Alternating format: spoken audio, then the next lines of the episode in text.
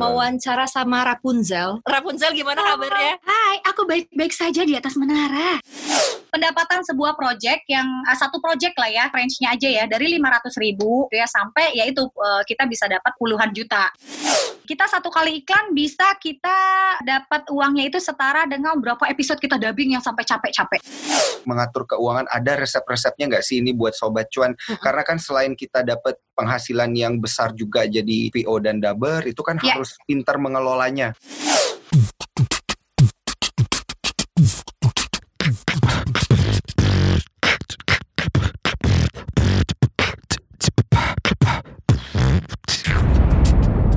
Cuap-cuap cuan. Halo Sobat Cuan. Halo sobat cuan. Gimana kabarnya Sobat Cuan? Sehat? Atau yang kalau lagi nggak sehat juga kita doakan semoga eh, cepat sembuh ya. Cepat sembuh, Uh, ada tetap Alin. sehat dan selalu cuan. Ada Alin dan juga ada, Ada Daniel, hari dan ini. kita mau Mhm. wawancara ya hari ini Mhm. kita mau wawancara sosok yang sangat spesial. Siapa itu? Mau wawancara sama Rapunzel. Coba Uh, kita ra- sapa dulu ya. Rapunzel. Rapunzel, how are you? Coba Halo Ra- Rapunzel gimana kabarnya? Hai, aku baik-baik saja di atas menara. Oh, Kalian bagaimana? Gila. Jadi baik-baik saja Rapunzel. Eh Rapunzel, eh, dengar-dengar kamu lagi sama Cinderella ya di sana. Hei, iya, tentu saja kita sapa Cinderella dulu ya. Halo Rapunzel, apa kabarmu di sana? Wow, banyak princess hari ini. Iya, iya. Cuan. Ada siapa lagi nih? Ada siapa lagi nih, Alin? Ada ada siapa lagi? Ada Princess Tiana sama Rosalinda. Rosalinda coba ya. Rosalinda, Rosalinda, bagaimana ha. jualan bunganya laku sekarang pandemi gini? Alhamdulillah, aku dibantu oleh Fernando Jose Altamirano di Castillo. Sobat Cuan udah seru banget ya kita ya. Kalau tadi Sobat Cuan merasa kayak "Eh, ini eh, siapa sih yang diwawancara ya benar-benar Cinderella kah Rapunzel Mm-mm. mau nanya apa tentang ini investasinya Cinderella atau Rapunzel Mm-mm. gitu ya Sobat Cuan ya. apa? akan ke sana kita tetap akan ngomongin cuan tapi ini kita akan berbincang eh, sama Mbak Tisa Julianti. Dia ini adalah Halo. salah seorang voice talent ya voice over talent di Indonesia. Hmm, iya jarang banget kita dengar ada voice over talent Mm-mm. gitu ya. Dan tadi kalau nggak salah empat suara itu cuman satu orang, cuman Satu Mbak Tisa aja. dia doang. Iya, gitu ya. Hebat banget. Gimana sih caranya ini dan investasinya kayak gimana sih Mm-mm. sebenarnya? Nah, Mbak Tisa ini gimana Mbak Tisa kabarnya? Ini suara aslinya kayak gimana coba? Ah, ah. Suara aslinya cempreng, apalagi kalau ngomong sama anak dan suami, eh, eh, dia terus cempreng, cempreng biasa. Tapi kalau lagi berkarakter harus dirubah total. Harus ya kan apalagi ya. kalau betul apalagi kalau jadi kayak binatang-binatang ya harus seperti persis Oh, binatang aku juga ngisi baby bus.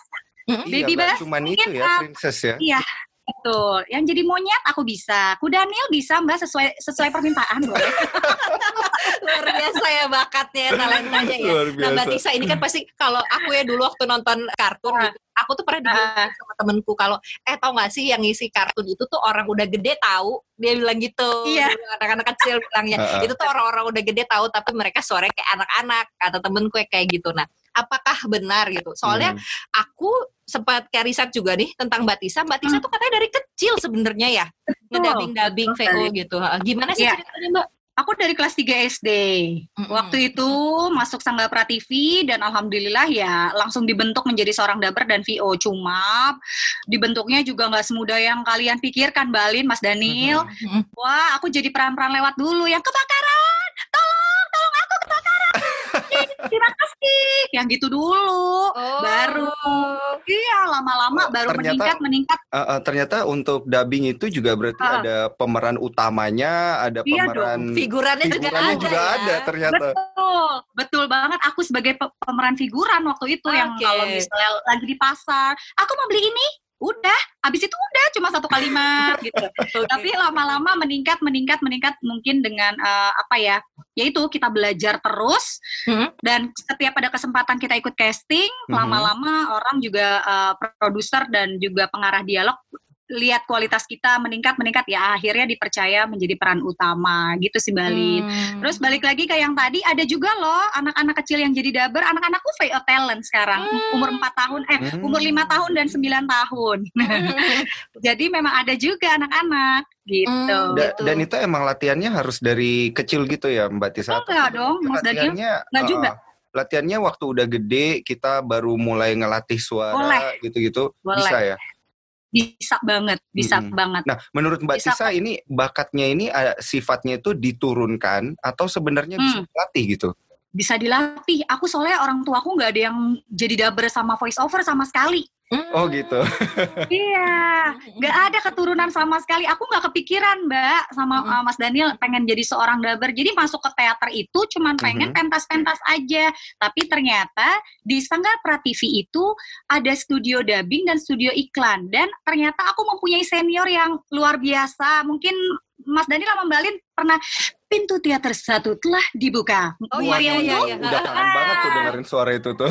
itu tuh senior aku ada Mas Ferry Fadli yang Brahma Kumbara yang dulu sahur sepuh hayo ya ya ya yang zaman zaman dulu kalian kecil di radio-radio itu senior senior aku semua jadi makanya nggak sengaja aku menjadi seorang daber sama voice over nggak diniatin Tapi jalannya gitu ya, ketemu sama memang ahlinya, Hmm. sehingga jadilah juga nih kayak gini nih. Iya, berarti Iya. ada komunitasnya dong Ada ya. komunitasnya ya Mbak berarti. ada sih ada ada komunitasnya cuma kalau dulu kan komunitasnya eh, lingkupnya sangat kecil jadi Hmm. makanya yang dipakai itu lagi itu lagi Mm-mm. dabernya itu lagi VO-nya dia lagi dia lagi Mm-mm. Nah, eh, sekarang kalau sekarang alhamdulillahnya media sosial, teknologi semua udah mulai ini ya, Hmm. apa namanya rame tentang voice over dan dubber Mhm. eh, dan eh, bagaimana menjadi seorang dubber baru komunitas terbentuk tuh. Ada pelatihan-pelatihannya, Mm-mm. ada Hmm. komunitas-komunitasnya yang bisa saling kasih saran, kasih info casting dan lain-lain. Hmm, gitu. Kalau dulu mungkin kayaknya ini ya apa eksklusif gitu ya. Mm-mm. Gue juga dulu kayak Banget, banget. "Ah, ini gimana? Tapi Mm-mm. suaranya tuh kayak kayaknya ini familiar gitu. Suara-suara yang Iya, familiar. Iya, iya, Ah, bener-bener. Dan Iya, aku betul, juga nggak Mbak. nyangka kayak kan aku lihat nih di Instagramnya Mbak Tisa ya ada iklan juga Mhm. gitu. Nggak Ternyata cuman Mbak Tisa ini pernah doang. jadi suaranya mau di Ayunda. Oh ya. Hey. Jeluan. padahal padahal umur udah tua, tapi perannya ABG terus aku. Iya suaranya karena suaranya gini ya ceria gitu ya dan Iya. bersemangat. Nah, Mbak Tisa apa sih yang kita Ya. harus punya gitu selain punya suara gitu ya Aha. uh, untuk jadi daber gitu. Bisa nggak sih kan ada orang ya yang ngomong aja tuh fales gitu, sumbang cempreng gitu. Bisa nggak sih itu Gue jadi batuk aja fales ya gimana ya? Eh, itu jadi VO talent? Iya, bisa dong Mbak. Karena zaman dulu aku kecil juga aku nggak mungkin udah seperti ini. Suaranya dan rata-rata teman-temanku juga kalau lagi, aduh pokoknya Mbak Alin akan terkejut ketika mendengar suara aslinya para daber. Kalau ngomong udah eh anak cici, ini, ini, ini," pokoknya cempreng. Atau ada yang memang biasa aja yang, ya tis baik. heeh." Tapi ketika dia memerankan tokoh, masya Allah yang langsung ada apa? Kau ke mana? Langsung dia berkarakter terus jadi jadi hewannya. "Eh, Itu langsung bisa dirubah. Berarti semua suara bisa dijual dan bisa dilatih, Mbak Lin. Hmm. Cuma masalahnya latihannya memang susah. Oke. Jadi nggak gampang. Berapa susah, lama? susah Berapa lama latihannya biasa itu? Waduh, eh, sebenarnya nggak bisa dipatokin berapa Iya. lama. Mhm. Kayak Tisa aja dari tahun 93 baru benar-benar aku ngerasa sudah menguasai semua teknik tuh baru sekitar SMA. kalau menurutku ya, yang tekniknya iya kalau dulu tuh mainnya masih aman-aman aja, tapi ketika SMA eh, ketika banyak ini ya masukan dari pengarah dialog, Mm-mm. terus eh, dari dari klien-klien aku baru tahu oh ternyata seperti ini oh ternyata Uh-uh. kalau ibu muda nggak ibu muda harus lembut juga harus yang ibu-ibu bawel aku harus bisa eh masa sih kita nggak bisa begitu? Ih males banget deh sama dia kayak gitu. Terus ada ada ibu-ibu yang mungkin pengajian yang lembut iya mbak Alin apa kabar? Halo. Itu semua bisa kita dapatkan ketika kita memang di lapangannya langsung prakteknya langsung. Mhm. dapat masukan-masukannya Dan itu. sepertinya jadi emang jam terbang ini sangat Lama, betul, kualitas jam gitu ya. Nah, Iya, terus Mbak Mbak Tisa, kalau untuk ready aja gitu, untuk ready supaya bisa on air aja dulu gitu, apakah perlu latihannya tuh harus setahun gitu atau dua tahun baru bisa Hmm. ready untuk on air atau sebenarnya bisa lebih cepat dari Ya. itu gitu? balik lagi nih ke bakatnya orang eh, setiap Ah. orang itu ya punya punya Hmm. punya bakat atau enggak karena aku punya eh, kelas VO di Dubber and Writer aku ngajar juga Mas Daniel itu dengan berbagai sampai bisa ratusan orang ya muridnya itu pasti setiap setiap kelompok itu nyempil 2 sampai tiga orang yang sangat berbakat menurutku Mhm. Nah, Oke. itu biasanya mereka dengan mudah kita arahkan Mhm. Jadi mereka yang cuma tiga bulan menurut aku ya, yang tiga bulan empat bulan udah bisa aku eh, latih dan bisa aku bentuk. ternyata ketika aku ikutin mereka casting mereka lolos. Nah, berarti kan Hmm. nggak juga harus bertahun-tahun kayak aku, nggak. Setiap orang Hmm. perjalanannya berbeda-beda. Tapi ya itu bakat diasah dan seberapa serius dia mau jadi seorang daber sama VO. Karena Hmm. banyak orang nih Balin cuman bilang aku mau jadi daber dong, tapi nggak ikut pelatihan. Mm-mm. Aku Nggak mau jadi daber iya. dong. Iya nggak bisa. Eh, latihan di rumah aja Kak Tisa casting dong nggak bisa. Emang casting aku sembarangan orang gitu ya ngasih-ngasih Mhm. info nggak bisa mbak. Jadi ada tiga orang sampai empat orang mereka yang bahkan dari Jogja hijrah pindah ke sini Mbak Lin, Mas. Daniel saking mereka Mhm. mau serius di bidang ini. Aku bisa lihat nih cara mereka seriusnya setiap hari latihan, terus ikut casting ke sana sini mau dan kemampuan kualitasnya bagus. Ada Oh. basic ya, bukan bagus banget ya. Ada basic artikulasi jelas, terus suaranya bisa dirubah-rubah. Jadi sekitar enam bulan lah ya kalau menurut Tisa mental dan kualitas yang bisa dijual. Hmm, Gitu, gitu. Itu bulan. dengan pelatihan yang intensif ya, Mm-mm. tentu saja. Iya, betul. Biasa. Tadi kan banget. modalnya itu udah bakat dulu, Hmm. habis itu harus Uh, ada uh. latihan, habis itu harus Iya. ada niat. Nah, Mm-mm. ini kan semua Ya. sifatnya intrinsik gitu ya, Mbak Tisa. Nah, Ya. yang ekstrinsik itu apa tuh? Kayak misalnya eh, investasinya apa aja nih? Adakah alat gitu ya? Alat khusus Hmm. yang harus dibeli untuk investasi menjadi seorang Ya. VO daber gitu? Kalau aku, kalau nanya sama aku nih ya, mungkin setiap Uh. orang berbeda-beda. Kalau nanya sama aku nggak usah lah alat-alat dulu, pakai handphone juga bisa kok, gitu Wow. kan ya. Hmm. Kan ada aplikasi tuh, Mas Daniel, Uh. ada aplikasi yang Hmm. kita ngerekam. Untuk awal ilmu dulu. Karena percuma Hmm. nih kita beli yang harga sejuta dua juta, kan uh, mic-nya uh, bagus, suara kita jadi jernih. Tapi Mm-mm. ketika dipanggil ke studio, nggak tahu ilmunya, nggak tahu tekniknya. Oke, Mas Daniel, coba bacakan skrip ini hard sell. Tahu nggak Mas Daniel hard sell? Hmm. Gimana Waduh, tuh? gimana? Ayo, nah, ya kan? ampun, ampun, ampun. Walaupun Mas Daniel warna suaranya bagus, tapi ketika Mas bawain ini hard sell ya, Hmm. eh, eh, udah nggak akan dipakai lagi. Klien kecewa. Loh, kemarin kamu bikin sampelnya kok bagus? Ya iyalah, Hmm. terbantu alat. Uh-uh. Ya kan? Jadi, benar. Makanya kalau menurut aku orang-orang baru nggak usah mikirin alat dulu, belajar dulu, kejar terus ikut pelatihan-pelatihan karena Hmm. banyak banget nih di media sosial yang teman-temanku juga sih yang bikin ada Oke. pelatihan ini, pelatihan ini ikut dulu sampai kalian merasa oke, gue udah mulai ngerti nih sedikit demi sedikit ya, kan nggak Aha. bisa langsung semuanya. Baru investasi alat itu untuk pekerjaan yang online-online. Hmm. Itu udah mulai ada. Memang udah mulai ada tuh, Hmm. Mbak Lin. Hmm. Sekarang tuh udah mulai digital.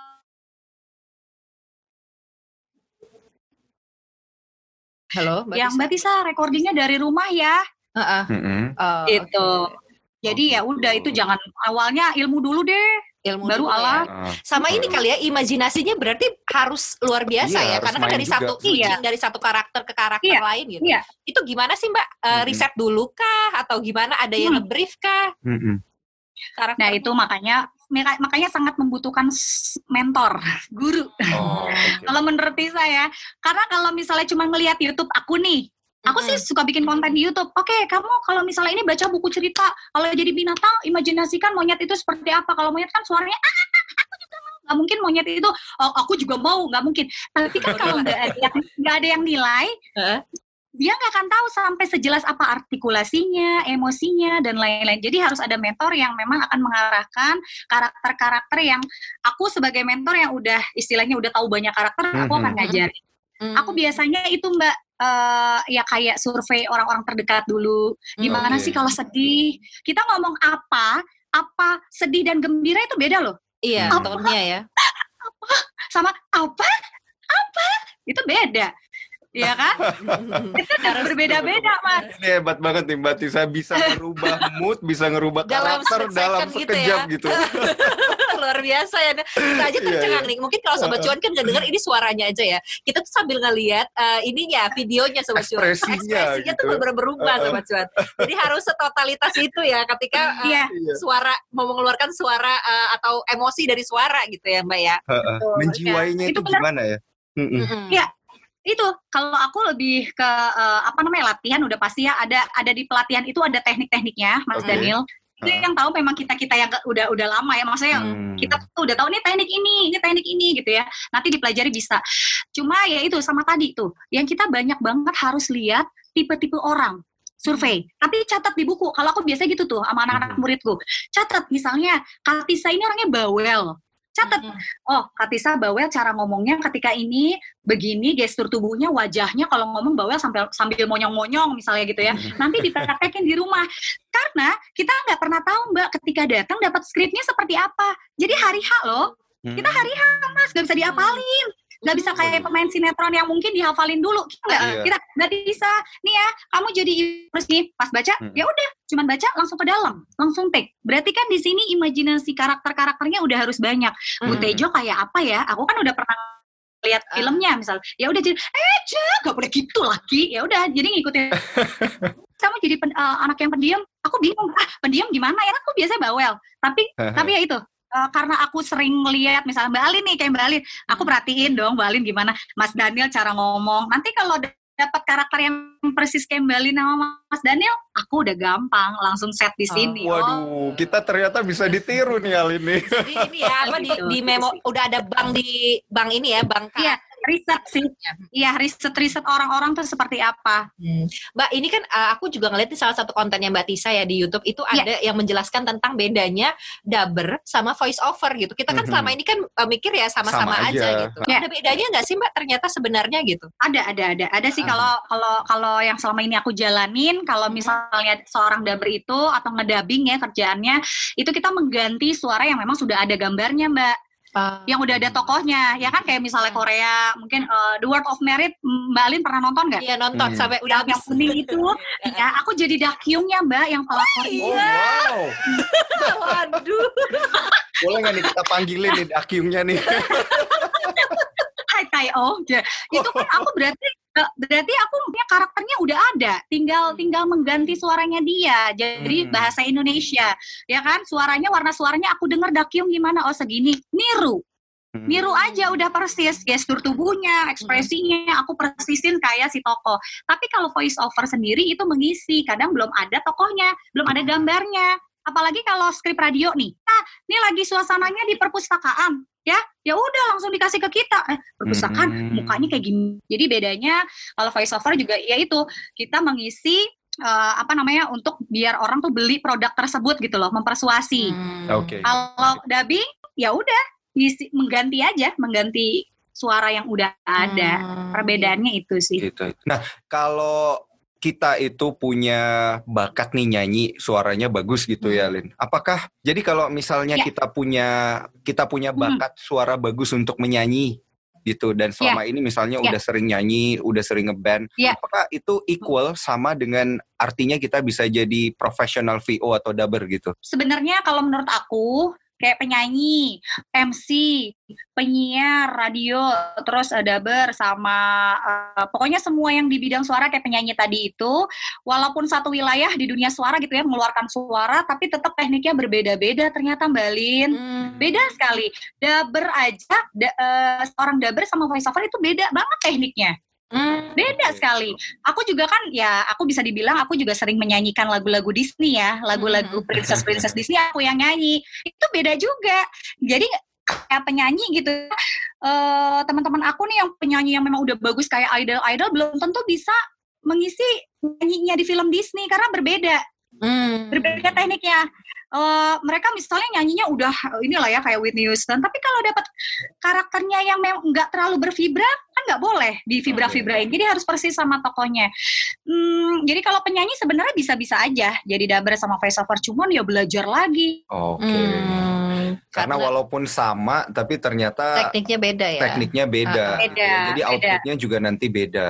Iya betul. Nah, Ini Betul. kalau ta- dari tadi kan kita ngobrolin tentang apa sih modal-modalnya, apa yang perlu diperhatikan Mm-mm. juga dari eh, sisi internal seorang Iya. PO dan Daber. Nah, kita coba beralih nih, bagaimana cara memonetize-nya gitu ya, Lin? Ya kayak cari jobnya gimana ya, Iya. Mbak, yang Nah. pertama ya. Eh, apalagi kan Misalnya- ini kan kayaknya eksklusif ya Iya. orangnya dia, Iya. lagi gitu itu Betul. aja gitu. Gimana sih. Mbak gitu? Betul. Ini ini pertanyaan yang memang sangat penting sebenarnya dita- ditanyakan sama orang-orang yang mau belajar VO nantinya ya, sama Hmm. dubber. Belajar, belajar, belajar, tapi habis itu ke mana sih Katisa? Mm-mm. Ya kan, gitu ya. Kok infonya nggak ada sih di media sosial casting-casting? Ya iyalah orang infonya di dalam-dalam, orang dalam semua. Makanya kalau perlu aku buka di sini, jadi kita benar pekerjaan eksklusif. Pekerjaannya itu baru mau masuk ke dalam lingkup kami, mau nggak mau kalian harus kenal sama senior-senior, Hmm. pengarah dialog, bahkan produser studio Hmm. Oke. gitu. Jadi kalau aku ya, misalnya ada yang ikut pelatihan kelas VO nih, Mbak Alin. Mm-mm. Terus mereka berbakat kayak tadi tuh ada beberapa orang. Nah nanti aku eh, mereka benar-benar ikut pelatihan yang serius beberapa kali ikut bahkan di kelas-kelas lain pun yang bukan aku ajar mereka ikut dan ada perkembangannya baru aku minta sampel mereka aku minta mereka datang nemenin aku ketika aku dubbing ataupun voice over mereka harus di samping aku aku kenalin langsung ke produser Mm-mm. ke pengarah dialog baru mereka kasih sampel langsung berarti harus ada orang dalam Mm-mm. Oke. Uh, orang dalamnya itu bukan berarti gini, aku sebagai orang dalam bukan berarti aku bebas, aku ngasih sampel-sampel Mbak Alin yang belum belajar, Mm-mm. Mas Daniel aku nggak berani. Karena berarti Jadi memang casting, dari networking, dari Iya, betul. orang yang udah punya pengalaman dulu. That's gitu why ya. harus masuk ke komunitasnya Hmm. gitu ya, Hmm. belajar Komunitas kemudian dan juga dibimbing. ya, betul. Hmm. Dan harus ada referensinya Mbak. Misalnya aku bisa meyakinkan produser untuk Mbak ini coba deh, ini suaranya bagus di muda. Bener loh Tis, bener. Tapi to- tapi aku pribadi jangan sampai kasih peran utama dulu. Mereka Oh, biar belajar merangkak dulu, yang lewat-lewat dulu aja Mbak, atau yang satu kalimat dulu. Nah itu kalau dapat referensi dari aku atau dari teman-teman yang mentor, itu studio berani pakai mbak. Hmm. Kalau nggak dapat referensi, nggak bisa. Segitu eksklusifnya Iya, iya, gitu ya. iya, iya. eh, ini ya Sangat sobat cuan ya gitu. Karena tentunya di sini kan sifatnya komersil, jadi butuh trust levelnya tinggi juga gitu ya Mm-mm. supaya bisa Mm-mm. dapet jobnya. Nah ini kalau eh, lagi rekaman gitu Mbak Iya. Tisa, itu sifatnya live atau di taping? Kalau eh, apa namanya dubbing ya pasti nggak live ya. Hmm. Maksudnya kan dia kan tayangnya kita kan rekaman hari ini tayang misalnya untuk minggu depan untuk ti- Heeh, atau tiga hari lagi. Begitupun dengan voice over. Misalnya kita tag siang ada juga sih yang langsung tayang nanti malam. Cuma kan berarti kita di, di- direkam dulu Di- direkam dulu, langsung ya. tayang. Hmm, Uh, hmm, berarti gitu. berarti sifatnya itu ada maksudnya tiap kali kita ngasih VO atau kita lagi ngedubbing itu berkali-kali gitu ya. Oh, Retake-nya gitu. banyak kali. oh iya, tentu saja. Makanya tidak mudah kau ingin menjadi Berapa itu. lama sih Mbak? Let's say ya ada eh, film animasi gitu eh, 20 menit gitu. Itu dubbing Kalau- kira berapa? Kalau nanya sama aku ya paling 10 menit. Oh, Kalau nanya sama kalau nanya sama yang orang-orang udah sering. Ah, ah, kalau yang baru-baru seminggu gue rasa. Seminggu iya. Oke, kalau kayak kemarin India nih, aku 10 episode gitu ya, ya jadi peran utama loh.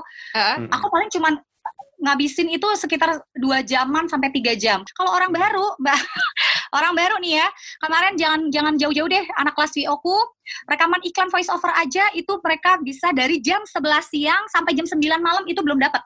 Wow, Hmm.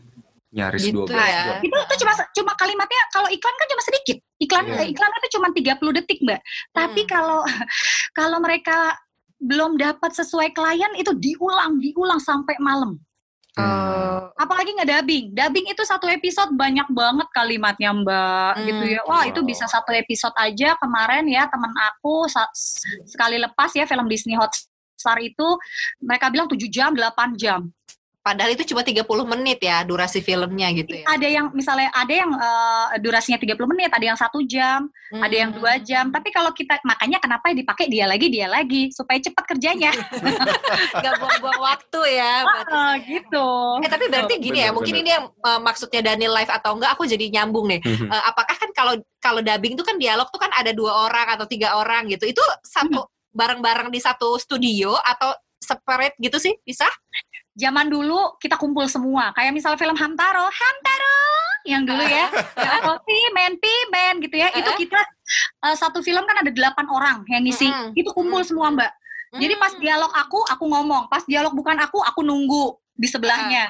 Bayangin itu memang karena kan teknologinya itu dulu masih pakai apa sih namanya ya? Be- be- Betacam ya? A- analog gitulah pokoknya Ah, yang ah, zaman ah. dulu lah gitu ya. ya, belum digital. Belum, belum. Eh, eh, jadi kita kumpul. Nah, sekarang di beberapa tahun, iya, beberapa tahun ini eh, karena memang udah pakai yang lebih yang lebih canggih, itu satu orang ya cuman di dalam studio cuma satu orang, nggak ada nggak ada partner mainnya. Cuma lebih susah. Kalau kita misalnya lagi dialog, Mbak, Hmm. kan berarti kalau dulu kan enak ya. Emosinya bisa langsung Ah. ini dapat. Kalau sekarang bagaimana seorang daber ataupun VO ketika lagi sendiri take itu bayangin kita baca naskah depan kita misalnya kita lagi uh, lagi sama si Eugene sama Rapunzel sama cowoknya yang lagi berantem gitu ya nggak ada orangnya kan hampa emosinya Mm-mm. tapi kalau kita memang udah belajar tekniknya pasti akan bisa Eugene jangan jangan lepaskan aku dari sini cepat lepaskan. Ya itu harus tetap ini emosinya. Uh, apa sendiri ngomong kayak orang stres kan ya. Itu imajinasinya harus lebih lagi tuh ya berarti ya Mbak ya. benar Nah ini kan tadi bahwa memang eksklusif pekerjaannya gitu kan dari komunitas gitu kan biasanya dapatnya dan referensi itu adalah utama gitu ya Mbak ya orang dalam lah ya quote unquote. betul Nah ini kalau misalnya kita ngomong tentang cuannya nih, Iya. ya nggak? Nah ini balik bagi Kalau yang misalnya- paling mendebarkan eh, saudara-saudara. daber-daber pemula gitu. Itu range-nya berapa Iya. sih gitu? Semenjanjikan apa sih ini Mhm. gitu kan? Profesi Oke. ini. kalau untuk pemula sih eh, sebenarnya aku nggak bisa gamblangin berapa Hmm. Tapi kalau untuk pemula memang nih, ini pengorbanan yang luar biasa nih. Misalnya dia kantoran itu sebulan udah jelas ya, udah jelas Hmm. banget pendapatannya. Ini untuk orang-orang pemula kan belum dipercaya sama klien atau studio. Hmm. Ya kan? Itulah makanya aku bilang ini pilihan nih. Ketika memang kamu berani, kamu serius, kelihatan tuh orang-orang yang memang serius. Dan untuk pendapatannya kan belum jelas ya Mbak Lin. Mm-mm. Tapi ketika kamu udah punya ilmunya dan udah punya referensi banyak eh, kenal-kenal kakak-kakak senior, itu sih menurut Tisa cukup menjanjikan ya. Mm-mm. Cukup menjanjikan tapi bagi orang-orang yang serius, yang fokus. Hmm, gitu. Kalau yang setengah-setengah gitu berarti setengah-setengah juga. Kalau bagi teman-teman yang baru, kalau kalian mengejar terus setiap hari ya ilmu dan juga eh, apa kesempatan-kesempatan itu misalnya kayak kenal aku terus aku referensiin eh, ikut juga ke studio-studio lain ngejar-ngejar terus untuk casting-castingan ya insya Allah sih kayak beberapa teman yang di kelas VO bisa dijadikan memang kerjaan utama mereka akhirnya Hmm. itu kalau untuk yang baru tapi kalau untuk yang lama seperti aku ya masya Allah bayangin aja 28 tahun nggak mau ah cari pekerjaan lain nggak ah Iya, Mbak Tisa kan bilang udah ini ya, udah senang gitu ya. VO nggak mau cari kerjaan Iya. yang lain gitu ya. Tapi tadi ini sempat sharing Iya. sedikit nih, Mbak Tisa tuh pernah ternyata ya, pernah nyoba kerja kantoran ya, Mbak ya. Berapa lama Mbak Tisa? sebulan Habis itu udah full aja, udah voice over. cukup sudah Ma- sampai sakit tipes aku tuh waktu itu eh, kerja sebulan itu sakit tipes Kan Mbak Tisa tuh berarti sebulan aja nyoba Iya, untuk betul. kerja kantoran gitu kan. betul Ah, ah. Itu eh, bisa diceritain gak sih Iya. kenapa ternyata gitu ya VO nih lebih menjanjikan? Heeh. dari hobi menjadi sebuah eh, apa ya sebuah kecintaan terhadap kan tokoh orang lain. Terus juga apa namanya jujur ya kalau bisa dibilang pendapatannya memang menurut aku menurut aku pribadi ya sangat cukup lah ya sangat cukup. Mm. terus pekerjaannya kita ketemu klien yang berbeda-beda eh, studio juga banyak mbak. Kita keliling jadinya kita nggak bosen Hmm. tiba-tiba aku masuk kantor yang ketemu dia lagi dia lagi ya. Terus udah gitu setengah delapan harus absen gitu ya. Pulang jam 6 terus tanpa baca naskah ya mungkin saking aku udah sukanya naskah udah udah saking sukanya teater tiba-tiba yang harus di depan bos dan lain-lain. Sebenarnya eh, tahu nggak karyawan mereka eh karyawannya teman-temanku di kantor aja tuh sampai lu ngapain jadi karyawan? Mereka yang nyuruh aku keluar mbak. Dapat juga jalannya aku sakit, sakit tipes saking stres di kantor ya udah langsung jadi VO lagi Wow. cukup sudah pengalaman yang memang nggak apa-apa sih pengalaman yang luar biasa juga Mbak Tisa, mungkin Ya. boleh gambarin ke teman-teman Sobat Cuan. Gambarannya itu untuk pendapatan per bulan yang tertinggi yang selama ini Mbak Tisa pernah capai itu Mm-mm. ada di range-nya aja berapa sih Mbak? waduh boleh ya eh boleh, Triple digit ya, Boleh triple digit banget. nih pasti. Eh, eh, masih, masih dua ma- masih dua digit sih ya kayaknya masih dua digit cuman kalau menurut aku di di di, di- aduh jadi deg-degan ini gak sih nggak apa-apa nih Gak apa-apa, gak apa-apa banget Mbak. tertinggi ya Ah, Iya. ah, tertinggi ya sebulan aku pernah mendapatkan sekitar dari 50 sampai 80 kali ya Wow, Hmm. Sebulan. Iya Kalau Itu misal kalau kita aktif ya. rata-ratain 50 aja per bulan, Alin, Mm, mm, mm. waduh. luar biasa. Itu kayaknya biasa. gaji apa Iya, sih iya. manajer juga lewat ya? Iya, lewat ini. GM ini. Daniel, Mas Ya. Daniel, tapi itu harus aktif ya. Maksud aku aktif, kita ya. memang kita la- kita kita kita dapat kerjaan setiap hari. Kalau kita kan freelance kita nggak pernah tahu. Kalau Hmm, memang benar. lagi kerjaannya cuma sedikit ya pasti nggak mungkin segitu. Tapi kan tadi pertanyaannya Hmm. eh, yang paling tinggi segimana Iya. ya sekitar Iya. segitu ketika memang kita aktif di dunia VO dan juga dubbing. Kalau Hmm. proyeknya lagi banyak gitu ya bisa Hmm. sampai Iya, segitu gitu. Betul, betul iya. banget. Tadi Mbak Tisa ini tiap kali satu episode gitu bisa Ah. memerankan dua tiga orang sekaligus gitu ya. Harus bisa, harus, Harus bisa. Nah, itu apakah nanti untuk cuannya juga dua kali tiga juga gitu? Nah, itu Lupa dia nanya. mas masalahnya kalau dubbing jujur aja ya ada beberapa film yang nggak dibayar berkali-kali lipat jadi itu udah satu paket Hmm. Oh gitu. tapi ada juga ada juga film yang memang mungkin budgetnya mereka punya tes pokoknya kita hitungnya per karakter makanya aku bilang sebenarnya lebih besaran iklan mas Hmm. Oh. kalau iklan kita cuman cuman ngomong nih Shopee dua belas ribu itu bisa berapa juta? Itu kalau misalnya satu cut. Tapi kalau kalau film gue bu- berbusa gitu ya ngomong India kayak tadi. Aku juga tahu panjang. Bayarannya ya tapi alhamdulillah kan kita hitungannya per episode kalau misalnya banyak ikut film banyak dong Mm-mm. per bulannya gitu Hmm, sih. Eh, eh, kalau Mbak Tisa sendiri mengatur strategi mengatur keuangannya gitu, karena kan kalau freelance tuh setiap bulan nggak tentu dapat nominal yang sama gitu Mbak. Eh, eh, ini kan itu kalau bisa dibilang pendapatan yang memang udah profesional di bidangnya ya. Aku Iya. kan takutnya nanti kalau teman-teman baru wah langsung heboh gitu ya, langsung resign dari kantornya, aku lagi yang disalahin nanti kalau mereka nggak segitu. Intinya gini, pendapatan sebuah project yang ah, satu project lah ya, itu bisa range-nya itu ya, range-nya aja ya dari 500 ribu, dari 500 ribu gitu ya sampai ya itu eh, kita bisa dapat puluhan juta Hmm. range-nya satu pekerjaan ya karena kan Hmm. pekerjaannya juga ya itu ada beberapa episode, ada beberapa cut dalam iklan. Jadi sekitar dari 500 ribu deh satu project sampai di atas itu. Hmm, Gitu. sampai puluhan juta itulah Iya. ya apa bayangannya, gitu Bayangannya. ya. Bayangannya seperti buat, itu. eh, buat sobat cuan. Jadi jangan baru terus langsung berharap 80 juta Iya, sebulan mana gitu bisa, ya. Kalau belum pro jam terbangnya juga masih Eh, belum tinggi masih nggak bisa juga ya, Lin. Mm-mm, gitu. Kalau udah kayak Mbak Tisa nih sobat cuan mungkin Iya. perlu beberapa puluh tahun lagi Ah, gitu ya. Tapi gue tahu nih kayaknya Mm-mm. pakemnya. Kalau misalnya bisa memerankan empat ratu dalam sekali take, nah itu kayaknya udah bisa deh minta Nah, 80 juta nah. kayaknya. ya. Empat princess Oh, maksudnya. empat princess. Iya, empat princess. Luar biasa ya. Tadi kan kita udah dengar sendiri apa Bilang namanya. kenapa harus kita bener-bener ilmunya dulu? Ya itu sih Mas Daniel. Iya. Iya, ya ilmunya ilmunya teknik-teknik yang kita kuasain terus kenalan-kenalan di studio-studio itu biasanya kita kan dapat kepercayaan dan kita akan mendapatkan apa ya di pikiran produser itu kita lima besarnya mereka jagoan-jagoannya mereka lah Oke. kalau kita bisa bisa dekat sama mereka dengan kualitas yang bagus ya Mm-mm. kadang mbak eh, suamiku kan eh, memang di dunia ini juga ya sebagai agensi ya dia aja punya eh, punya sampel orang-orang baru sama sampel voice over di laptop suamiku. Suamiku itu agensi yang akan memilih eh, suara-suara Oke. siapa yang eh, untuk produknya. Bayangin ada seribu orang yang di laptopnya dia loh sampelnya belum yang di luar di luar yang sekarang masih belajar pengen jadi dab, da- dubber sama voice over kan suka ngirim-ngirim Hmm. sampel ya itu lebih banyak lagi Iya. saingannya jadi banyak mbak Berarti saingannya sangat banyak Selain komunitas yang penting yang perlu diperhatikan oleh sobat cuan yang ingin jadi VO dan dubber itu harus tergabung dalam satu agensi juga gitu ya. Eh, sebenarnya bukan agensi Ah, ah. Mas Daniel enggak, enggak agensi sih.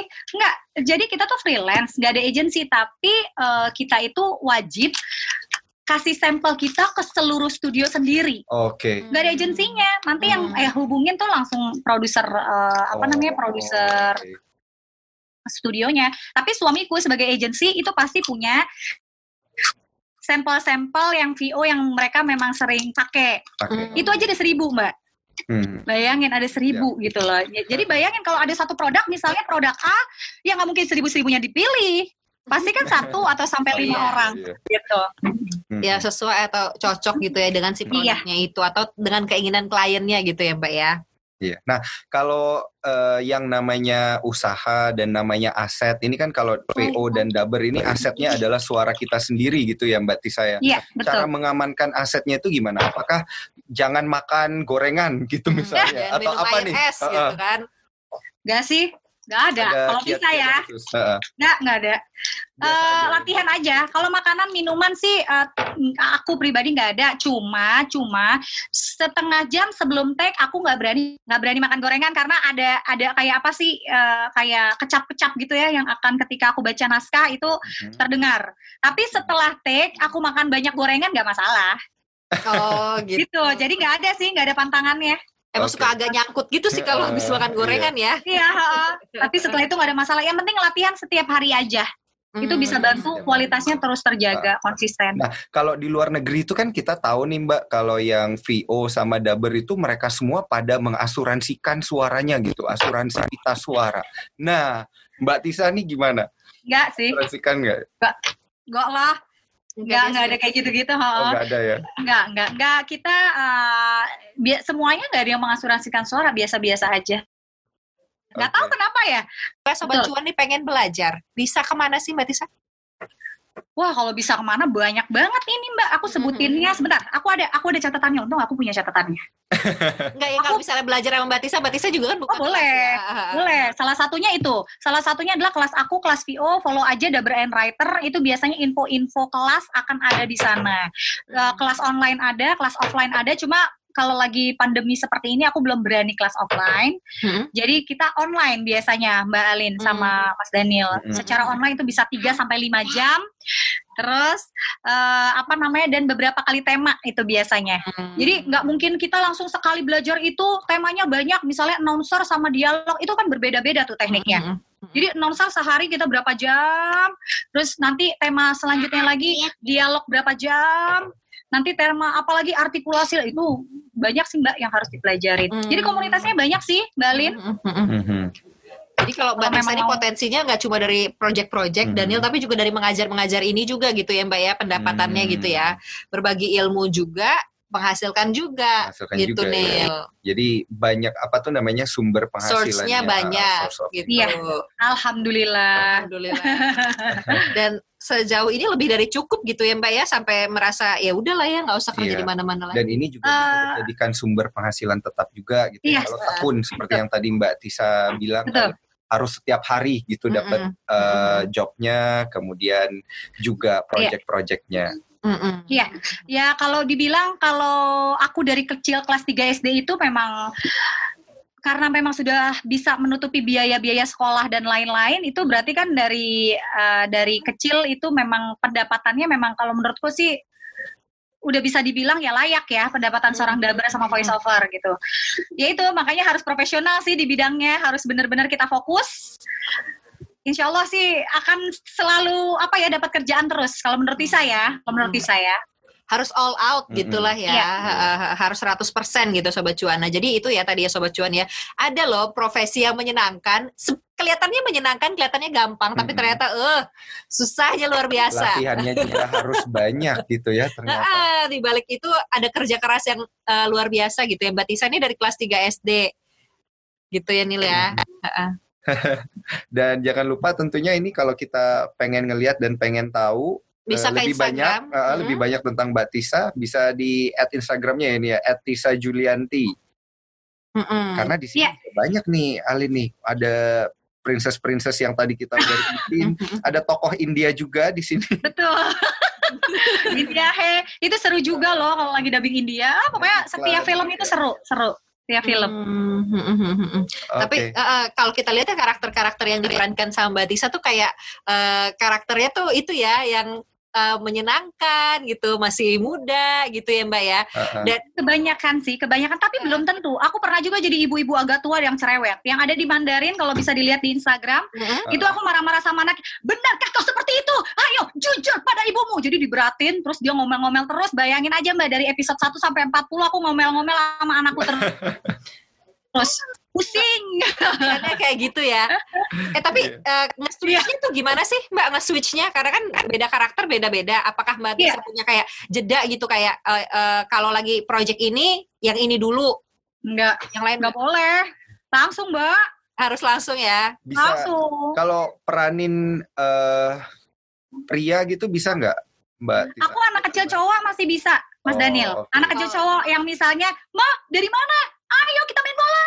Masih bisa. Masih bisa. Eh, Karakter suaranya itu dapat banget ya. Eh, eh, ya bisa bisa banget semuanya gitu ya ininya ya. Bisa, dilatih Mbak Alin bisa sama Mas Daniel. Ayo dilatih, Siap. dilatih.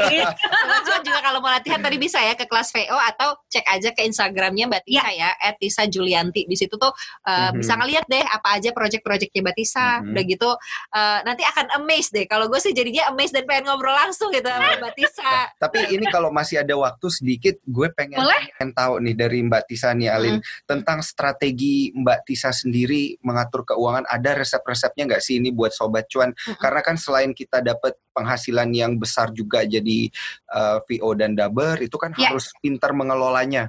Betul. Itu Itu betul banget, Mas. uh, gimana Mbak Tisa? Ada saatnya, aku pun mengalami ada saatnya ketika pekerjaan kita sedikit. Iya. Itu ada banget, Mas. Ah, ada banget yang kita sebulan itu cuma paling dapat lima kerjaan Mm-mm. gitu. Kalau zaman dulu ada juga ketika kita dapat malah setiap hari bisa tiga, setiap hari bisa tiga. Nah itu gimana cara mengaturnya? Eh, adalah kalau Tisa pribadi ya, kalau du kalau uang iklan kan uang iklan itu biasanya ya Mbak Lin bisa aku kasih bocoran nih lebih besar dari dubbing. Hmm. Oh. Nah, itu uang iklan tuh, uang iklan. Sekali kita iklan cuma satu kata itu masya Allah lah gitu ya. Kalau untuk eh, job iklan, kalau menurut Tisa memang lebih besar dari bayaran ketika kita eh, isi dubbingan. Mm-mm. Ya, istilahnya gini, kita satu kali iklan bisa kita eh, dapat uangnya itu setara dengan berapa episode kita dubbing yang sampai capek-capek. Gitulah ya. Makanya uang iklan biasanya aku sisihin ke yang memang nggak boleh dipakai sama sekali. Ada tabungannya Hmm. sendiri. Mas Daniel nanti kalau uang-uang dubbing nih biasanya baru nih buat kebutuhan-kebutuhan wanita dan anak-anak yang memang ya gimana ya namanya memang udah kodratnya wanita lihat IG apa gitu ya. ya itulah untuk jajan-jajan sih untuk jajan-jajan. Cuma karena aku tahu banget pekerjaan ini tuh nggak bisa diharapkan kita akan terus mendapatkan pekerjaan sebulan itu penuh apalagi sekarang dengan banyaknya saingan. Nah, ini aku bukan aku takutin nih. Mm. Tapi memang kenyataannya ya, saingan kita lebih banyak. Jadi kita udah harus sangat-sangat bisa mengelola uang tersebut. Yaitu kalau iklan aku nggak mau dipakai-pakai uangnya untuk kalau memang mas masa depan anak-anak, misalnya ada sesuatu yang eh, ini ya, yang dadakan-dadakan. Tapi kalau udah uang dubbing ya buat inilah sehari-hari. Hmm. Terus Inilah di, keperluan. di kala di kala pandemi ini Iya. apakah lebih banyak jobnya gitu Mbak Tisa atau lebih sedikit? Masya Allah Mas Daniel, aku juga nggak paham ya, nggak ngerti. Awal-awal aku pikir ini pasti nih total mati, lumpuh nih pekerjaan Ah. aku gitu ya. Malah makin banyak gitu. Alhamdulillah. Alhamdulillah. Makanya aku juga bingung masa kok makin banyak gitu kerjaan dari rumah tuh terus terus terus klien-klien gitu banyak banyak sekali kalau menurut saya. Dan ini Gitu. jadinya bisa dikerjakan di rumah gitu ya Mbak ya Betul. beberapa proyeknya ya tetap bisa Ya, ya. jalan. Mm-mm. Ya. Betul sekali.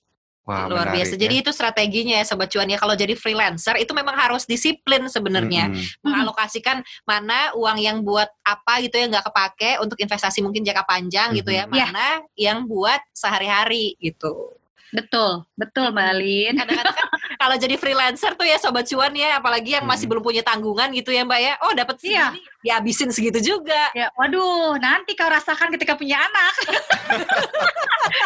waduh, walaupun sekolah online tetap bayar gitu ya. gitu ya ininya ya itu tips dari eh, Mbak Tisa Mbak ini terakhir ya Mbak ya mungkin apa sih pesan-pesan gitu ya Mbak Mhm. Tisa atau mungkin penyemangat lah gitu kalimat Iya. penyemangat dari Mbak Tisa buat sobat cuan yang merasa kayaknya gue punya bakat gitu dan Iya. kayaknya gue mau serius nih menekuni profesi voice over talent ini Eh, balik lagi ke dia- eh, dalam diri kalian seberapa seriusnya. Hmm. Karena ada juga yang cuman 20% seriusnya, 50%. Aku bisa lihat lah tipe-tipe murid-muridku tuh yang ngomongnya serius tapi nggak latihan gitu ya. Mhm. Jadi balik lagi ke diri kalian sendiri karena akan sangat terlihat ketika kita serius Eh, apa mengikuti pelatihan-pelatihan komunitas itu terlihat sekali. Jadi ikut dulu komunitasnya, pelatihannya, tahu dulu kalian itu niatnya seperti apa sih di dunia suara ini. Kalau cuman hobi ya udah, cuman hobi mah enak ya, nggak harus capek-capek setiap hari ngiter aku ke studio gitu ya, Hmm. hobi-hobi doang. Tapi kalau mau dijadikan pekerjaan utama, mau nggak mau nyemplungnya itu 100%. Setelah pelatihan, setelah komunitas, cari mentor, cari guru yang bisa eh, apa namanya memberikan jalan untuk kalian itu masuk ke dalam industri tersebut. Mhm. Setelah masuk, biasanya memang awal-awal dapat kerjaan masih gampang, Balin. Tapi untuk seterus-seterusnya, Mhm. untuk mendapatkan kepercayaannya itu luar biasa susah. Tapi ternyata bisa, tenang aja, bisa. gini mbak eh, kan ada ada beberapa profesi gitu yang Iya. orangnya tuh sedikit talentnya sedikit tapi betul. jobnya tuh banyak gitu nah Iya. kalau ini bisa dikategorikan perbandingan talentnya sama jobnya yang ada gitu voice over talent ini gitu ya di Indonesia itu berapa banding berapa sih mbak kalau menurut mbak Tisha? Sekarang sih kebanyakan talentnya ya. Cuman aku percaya nih, nggak tahu ya kenapa. Karena aku deket juga sama teman-teman yang baru dan senior gitu ya. Aku merasakan kualitas udah nggak bisa di iniin sih, udah nggak bisa ditawar lagi mbak. Kamu mau baru, mau bagus suara golden voice, selamat siang dengan Garuda Indonesia, tapi attitude-nya nggak ada, terus dia linknya nggak ada, udah paling dia dapat satu dua doang projectnya. Hmm. Tapi kalau kita bisa kenal sama semuanya, kualitasnya bagus, itu kerjaan ya akan datang terus tuh. Jadi mau sebanyak apa pun voice talent banyak mbak sekarang mbak dari daerah luar biasa banyak. Tapi yang dipakai kalau menurut Tisa sih pribadi kerjaannya kayaknya itu itu itu lagi itu lagi. Hmm. Pertama mereka pakai voice talent baru. Mm-mm. Pertama mereka ah, aku lihat nih mereka coba mereka coba ya mohon maaf mungkin ya aku nggak tahu ya namanya juga klien itu kan ya suka-sukaan ya puas-puasan Mm-mm. balik laginya ke aku lagi ke aku lagi ke teman-teman yang lama lagi alhamdulillah rezeki ya Karena kayak gitu sih. kualitasnya sih. itu ya mbak ya yang Iya, berbeda gitu. Mm-mm. betul betul jadi perbandingannya ya jobnya juga sekarang makin banyak tapi kayaknya tetap aja ah dia dia lagi kalau menurutku ya jadi ya gitu deh Ada rezekinya masing-masing gitu ya. betul betul betul talentnya banyak sekarang gitu tapi kan Indonesia adalah market yang besar ya sobat cuan Betul. ya apa aja ibaratnya dijual di Indonesia pasti laku gitu kan laku banget Nah, jadi dunia uh, apa advertising gitu ya mungkin ini perkembangannya pasti akan makin besar lagi dan ada potensi di situ gitu ya kalau misalnya sobat Bisa. cuan baru mau coba untuk jadi voice over talent. Iya Menarik untuk Ah, ditekuni ah, juga menarik. buat sangat terbuka ya teman-teman Uh, Iya. Baiklah kalau gitu terima kasih banyak nih Mbak Terima Tisa. kasih banyak, Mbak terima Tisa. kasih banyak Rapunzel ya. Ah. Saya. dan Tiana. terima kasih Iya. pangeran dan juga putri gitu ya kita ngobrol sama banyak orang nih Iya. kayaknya lucu ya tapi ternyata orangnya dia dia aja berarti saya boleh dong ini apa kayak closing gitu ya Closing tapi yang ya. closing si siapa nih kira-kira Rapunzel Pengen aja deh pengen iya Rapunzel gitu. gitu, Ha, Heeh, Rapunzel buat aja. sobat cuan Buat Sobat Cuan semuanya, terima kasih banyak yang sudah mendengarkan obrolan yang sangat seru di podcast Cuap-Cuap Cuan bersama Mbak Alin dan juga Mas Daniel dan saya Rapunzel. Tetap berusaha, tetap semangat, belajar terus. Dan susah sih memang menjadi seorang voiceover dan dubber, tapi bisa loh dipelajari. Kalau rezekinya memang sudah ada, pasti kalian bisa menjadi seorang profesional di bidangnya. Terima kasih semuanya. Terima Nah, kasih, terima Mbak kasih Tisa. Keren banget. aka Rapunzel Iya. Aka sehat ya Cinderella. di menara Ya Mbak Tisa terima kasih banyak ya Sobat- thank you. Sobat Cuan juga terima kasih sudah mendengarkan Kita ketemu lagi di episode lainnya ya Dah